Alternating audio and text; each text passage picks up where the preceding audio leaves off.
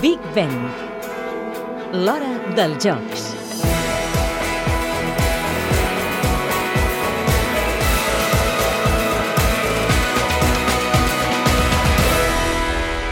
Només el campió del preolímpic femení d'hoquei herba aconseguirà el bitllet per Londres 2012.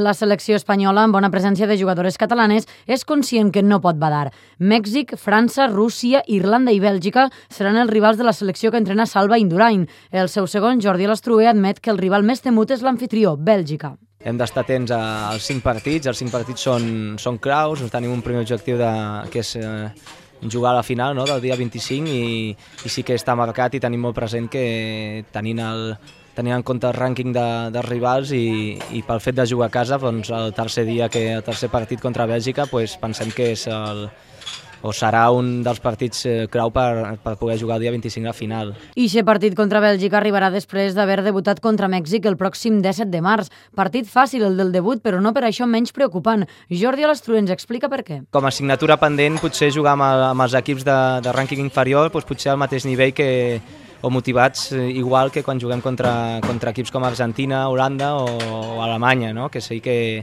que només pel fet de jugar contra elles doncs, tens una motivació extra i bé, estem treballant, estem, tenim molt present que, que els partits contra equips de, de rànquing inferior doncs, doncs tenim que jugar amb la mateixa motivació i amb donar-li la mateixa importància. Amb la Lliga aturada, l'equip entrenat per Salva Indurain ha pogut fer diverses concentracions i partits per posar-se a punt. El més important és aconseguir el nivell àlgid en el preolímpic i evitar les lesions. De moment hem, hem tingut sort que les lesions pues, eh, no han sigut tan greus com, com ens pensàvem millor en un inici i jo crec que arribarem totes eh, senceres a jugar al preolímpic, és la nostra intenció, poder comptar amb totes les jugadores. El preolímpic de Bèlgica es disputa del 17 al 25 de març.